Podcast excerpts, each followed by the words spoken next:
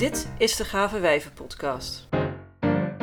De Gave Wijven podcast is een podcast van en met inspirerende en interessante vrouwen van allerlei leeftijden over de belangrijke en onbelangrijke zaken van het leven. Deze week heb ik geen gastin. Ik claim de microfoon even lekker voor mezelf om te vertellen over de vrouwen die mij op het moment inspireren. Ik wil beginnen met een boek. En dat is het boek Drop the Ball van Tiffany Dufu, een Amerikaanse schrijfster. En de ondertitel van het boek is Achieving More by Doing Less. Nou, dat vond ik natuurlijk een heel inspirerende uh, titel. Uh, niet zozeer Drop the Ball, maar wel het onderdeel uh, Achieving More by Doing Less. Want ik doe namelijk al genoeg, vind ik. En het leek me dan wel een mooie gedachte dat als ik op de een of andere manier minder zou doen, dat ik daar dan meer mee zou bereiken. Um, ik heb het boek dus besteld.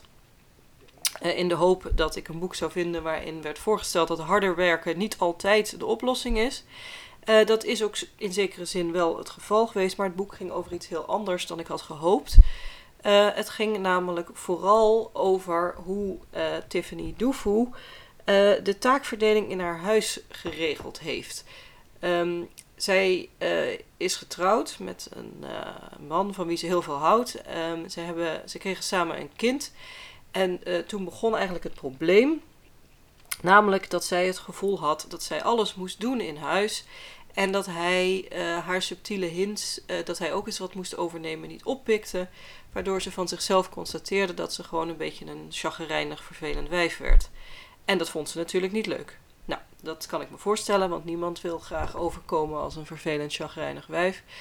Um, dus ze loste dat dan op een bepaalde manier op. Een uh, enorm dichtgetimmerde Excel-sheet was, bleek uiteindelijk de oplossing te zijn voor de strijd uh, in huis waarmee alles is opgelost. Er kwam zelfs nog een kind. Ja, die was niet in het Excel-sheet opgenomen. Maar er kwam dus nog een kind. Um, en toen hebben ze zelfs. De kinderen doen nou ook mee aan de Excel-sheet. Dus het blijkt dus allemaal gewoon een kwestie te zijn van taakverdeling. Nou vond ik het op zich een interessant boek. Behalve dan dat ik dus zelf geen kinderen heb. dus dat dat hier in huis niet het probleem is. Uh, bedoel, als er iets het probleem is hier in huis, dan is het dat ik überhaupt niks doe. Maar dat ligt aan mij. Um, maar dit boek gaat wel uit van een aantal dingen waarvan ik me afvraag of dat nou wel voor iedereen nog geldt. Bijvoorbeeld, het gaat uit van een, toch wel de gedachte dat er wel een traditionele rolverdeling is. Dat vrouwen gewoon de taken in huis zouden moeten doen. Nou, dat vraag ik me af. Um, al heel mijn leven. En uh, ik vraag me ook af of dat nou wel in alle huishoudens op het moment wel zo is. Um, ik vermoed wel in veel. Je ziet ook wel dat natuurlijk vrouwen erop worden aangekeken. Als iemand bij ze thuis komt en het huis is een, is een bende. Um, terwijl niemand dan naar de man kijkt. Dat snap ik wel. Maar dat is volgens mij ook iets dat je samen doet. Als je samen een kind krijgt, kun je ook heel goed samen afspreken wie wat doet. En bovendien gaat het er dan ook nog uit van de gedachte dat mannen eigenlijk een beetje idioot zijn um, en niks kunnen. Terwijl je ze ook gewoon hun gang kan laten gaan. Uh, wat ik een mooi stuk vond in het boek was dat ze op een gegeven moment dan toch de taken verdeeld hadden uh, met betrekking tot het uh, bereiden van het eten. Want zij kookt dan op zondag kookt zij dan het eten voor de hele week en dat vriest ze dan in porties in. Nou, op een gegeven moment wilde haar man dat dan wel een keer overnemen, zodat zij op zondag iets anders kon doen. En toen kwam zij thuis uh, en toen had hij uh, gewoon zeven keer precies hetzelfde gemaakt. Althans, had natuurlijk één keer een grote pan gemaakt en dat in zeven porties verdeeld. Uh, zodat ze de hele week hetzelfde eten gegeten hadden. En dat was natuurlijk ook alweer niet de bedoeling. Terwijl je dan ook denkt, nou ja, goed, dat is toch op zich ook niet zo'n ramp. Als dat de oplossing is, dan is dat de oplossing. Dan moet je ook niet overdrijven. Maar goed zij heeft dus uh, de hele boel nu gefixt. En een mooi principe hierin vond ik, en dat herken ik wel in mezelf, als het principe van de imaginary delegation, zoals zij dat noemt. En dat is dat je dan bijvoorbeeld iets gewoon neerzet in de hoop dat je man uh, dan wel snapt dat het de bedoeling is dat hij dat dan gaat doen. Dus er is daar geen communicatie over. Dus bijvoorbeeld je laat de vaat gewoon staan uh, in de verwachting dat die man dan denkt, oh, de vaat staat er gewoon, nou zal ik het een keer doen. Nou, dat doet hij dan natuurlijk niet, want hij denkt dan helemaal niks. Uh, zoals uh, uh, ik ook helemaal niks denk als iemand gewoon iets laat slingeren in de hoop dat ik het oppik.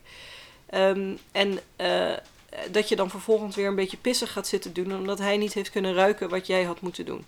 Dus dat vond ik wel een mooie gedachte, dat imaginary delegation iets is dat je ook in het dagelijks leven zou moeten vermijden. Is het boek een aanrader? ja. Voor wie dan? nou, in elk geval voor mensen met kinderen eigenlijk voor vrouwen met kinderen, maar misschien ook wel voor mannen met kinderen, die het gevoel hebben dat ze in een, in een systeem zitten waarbij zij zowel alles over de kinderen moeten regelen als het huishouden moeten regelen. In dat geval zeg ik trouwens ook, meid, educate yourself, verbrand je, je BH en ga eens even een stukje uh, emanciperen. Maar goed, dat is wat anders.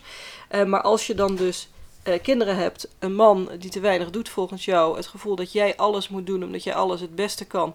En dat je muurvast zit in dat patroon waarbij jij je, spreekwoordelijke ballen van je romp werkt om het allemaal voor elkaar te krijgen. Ja, dan is dit wel een heel goed boek om te lezen. Um, en het is ook heel leuk geschreven. Uh, ik heb geen spijt uh, van dat ik het gelezen heb, ook al heb ik dus geen kinderen en niet de intentie om op die manier mijn huishouden te regelen. Uh, dus ik kan het eigenlijk wel aan bijna iedereen aanraden. Prima boek. Koop het. Of uh, leen het. Of lees het. Mijn volgende tip is een uh, beeldtip. Dat is de serie Glow op Netflix. Uh, Glow is de afkorting van Gorgeous Ladies of Wrestling. Uh, er zijn nu drie seizoenen op Netflix. En het vierde seizoen, en dat is ook het laatste seizoen, is aangekondigd. Um, dat zijn natuurlijk een heleboel gave wijven bij elkaar. Het gaat namelijk over een groep vrouwelijke worstelaars in de jaren 80. Nou, de jaren 80 vind ik sowieso een prachtig decennium. Uh, seizoen 3 speelt in Las Vegas, dus het is allemaal uh, heel erg groot en, uh, en big. Het basisverhaal is eigenlijk dat ehm, Ruth een actrice is die als actrice maar geen voet aan de grond krijgt. En zich dan uiteindelijk in armoede aanmeldt om worstelaar te worden. Ze, creëert een personage voor zichzelf, Zoya the Destroyer. Dit is natuurlijk nog uit de tijd dat de Russen de vijand waren. Um, en dat blijft, daar blijft ze dan in als worstelaar vooral in competitie met ehm, de uh, andere uh, worstelkoningin Liberty Bell. Uh, zij vertegenwoordigt dan Amerika en Liberty Bell is dan het worstelpersonage van haar vriendin Debbie. Die aan het begin van seizoen 1 nog even haar voormalig beste vriendin wordt. Maar gelukkig komt het uiteindelijk allemaal goed met haar. met hen onderling bedoel ik. Uh, dus er is allerlei drama tussen Ruth en Debbie, maar er is ook allerlei drama tussen de andere vrouwen van de uh, worstelclub onderling. Uh, sommigen worden verliefd op elkaar, worden verliefd op anderen. nou, er speelt van alles. natuurlijk ook nog allerlei drama tussen de vrouwen uit de worstelclub en de rest van de wereld. Um, en dan heb je natuurlijk ook nog de regisseur van de show, Sam, dat is een man. Die heeft dan een dochter, daar speelt ook nog van alles. Dus er zijn allerlei kwesties. Iedere aflevering is uh, op zich standalone, maar het staat wel allemaal in het kader van een, uh, een hele serie. Uh, en er komen ook allerlei kwesties aan de orde, zoals aids, omgaan met homoseksualiteit en vooroordelen. er is een, een zwarte personage die dan uh, de welfare queen, queen speelt. Uh, waarbij ze dan dus lui is en uitkeringen trekt. En het is heel mooi om te zien hoe haar zoon daarop reageert. Want die vindt dat natuurlijk niks dat haar moeder op die manier zich laat stereotyperen. wat ik er zelf heel fraai aan vind, is dat het allemaal aan de orde wordt gesteld op de politiek incorrecte manier. zoals we gewend zijn van de jaren tachtig. Want die waren gewoon heel erg politiek incorrect en lomp. Maar dat je uiteindelijk toch een mooi integer gevoel krijgt uh, van hoe, de, hoe het verhaal verteld wordt. Het is echt een heel prettige serie. Ik kan hem uh, van harte aanraden. Hij is ook heel erg grappig. Um, soms is het wel mooi omdat wij dan weten wat er gaat gebeuren, terwijl ze dat toen nog niet wisten. Het begin van seizoen 3 uh, eh, zitten ze met z'n allen te kijken naar de Challenger die opstijgt. Nou, wij weten hoe dat is afgelopen, althans ik wel, want ik heb hem gezien. Um, en dan uh, weet je dus wat er gaat gebeuren. En dat is een mooie, mooie vorm van dramatische ironie. Uh, dat zij allemaal zitten te lachen en dat wij weten dat het heel erg mis zal gaan. Um, ik, kan het, uh, ik vind het prachtig. de kleding prachtig, de muziek natuurlijk heel gaaf. Invincible van Pat Benatar was het liedje uit seizoen 1 dat de hele tijd gedraaid werd. Dat is natuurlijk een topnummer, dat zat ook in mijn hardloop playlist.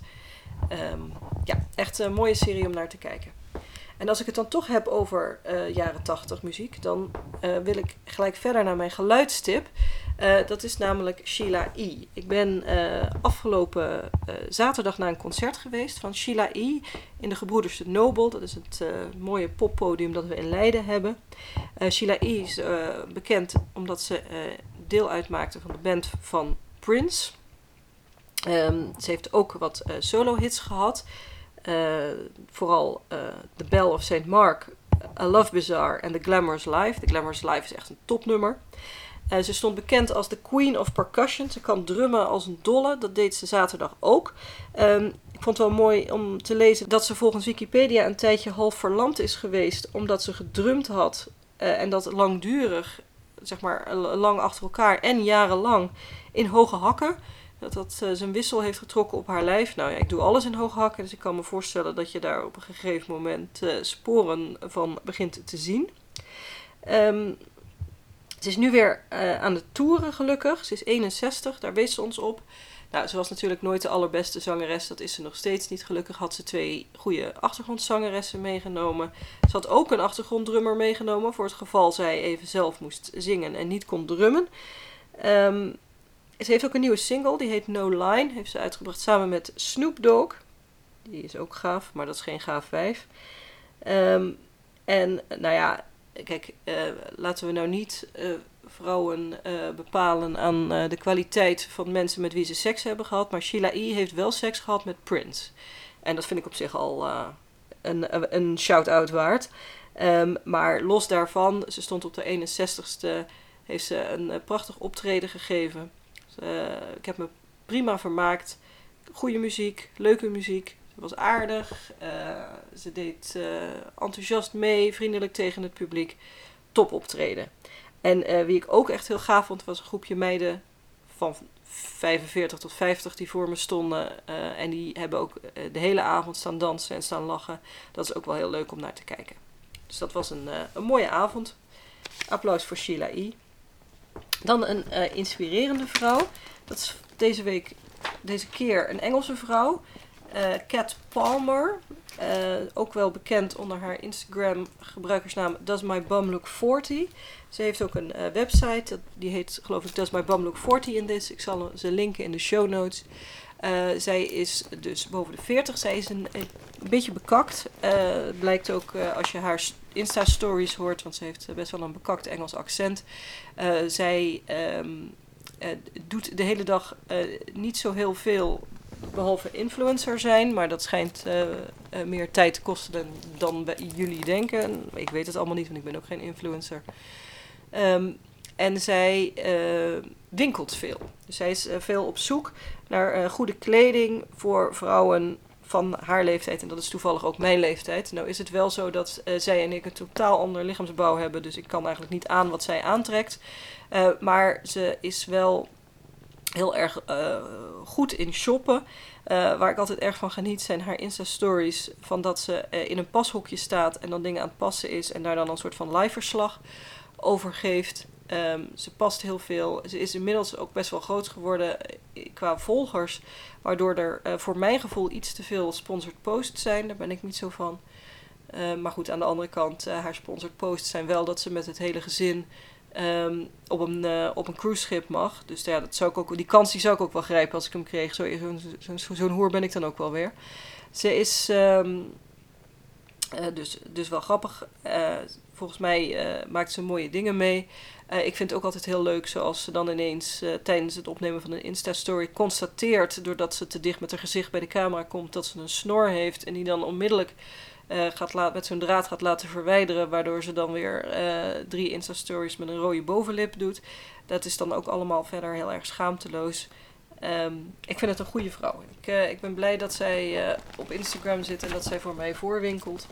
En ehm, nou, eigenlijk zou ik ook wel gewoon de hele dag willen, in een pashokje willen staan en vertellen over wat ik aangetrokken heb. Maar goed, dat is niet voor iedereen weggelegd. Tot slot nog een paar shout-outs. Dit, uh, de shout-outs deze keer zijn aan uh, groepen dames. De eerste uh, groep vrouwen die ik in het bijzonder wil noemen omdat ze invloed hebben op mijn leven, zijn de vrouwen in de Leidse gemeenteraad. Dat zijn er nogal wat. het worden er steeds meer gelukkig. alle pogingen om meer vrouwen politiek actief te krijgen beginnen nu echt hun vruchten af te werpen. we hebben heel veel vrouwen. Sommige fracties hebben zelfs vrouwelijke fractievoorzitters. Um, en uh, ik vind het een ontzettend leuke, uh, diverse groep uh, met, met goede ideeën. Um, de vrouwen in de raad treden natuurlijk niet als groep op, maar namens hun individuele partijen. maar er zitten een paar powervrouwen bij. En Nou, ik wil even zeggen, eh, ik waardeer ze allemaal. Ook de duo-raadsleden trouwens. Eh, die moet je niet vergeten. En eh, de laatste vrouwen die ik wil noemen zijn eh, de vrouwen van eh, de Wijnbar. Een relatief nieuwe wijnbar in Leiden, burgemeester Goeswijn. Ehm, die weten ontzettend veel van wijn. Die hebben een, een leuke eh, wijnkaart. Ehm, altijd vriendelijk, altijd aardig. Ze hebben ook lekkere hapjes. En ehm, ze weten dus alles over wat ze serveren. En eh, ik kan het van harte aanraden. Ik zal hun eh, adres ook in de show notes zetten. Tot zover deze aflevering van de Gave Wijven podcast. Informatie over alles waar ik het over gehad heb kun je dus vinden in de show notes. Volgende week verschijnt er zeker weer een nieuwe aflevering. Als je je abonneert op deze podcast, krijg je vanzelf een melding dat hij er is. Oh, en als je toch bezig bent, positieve reviews worden zeer gewaardeerd. Tot de volgende podcast.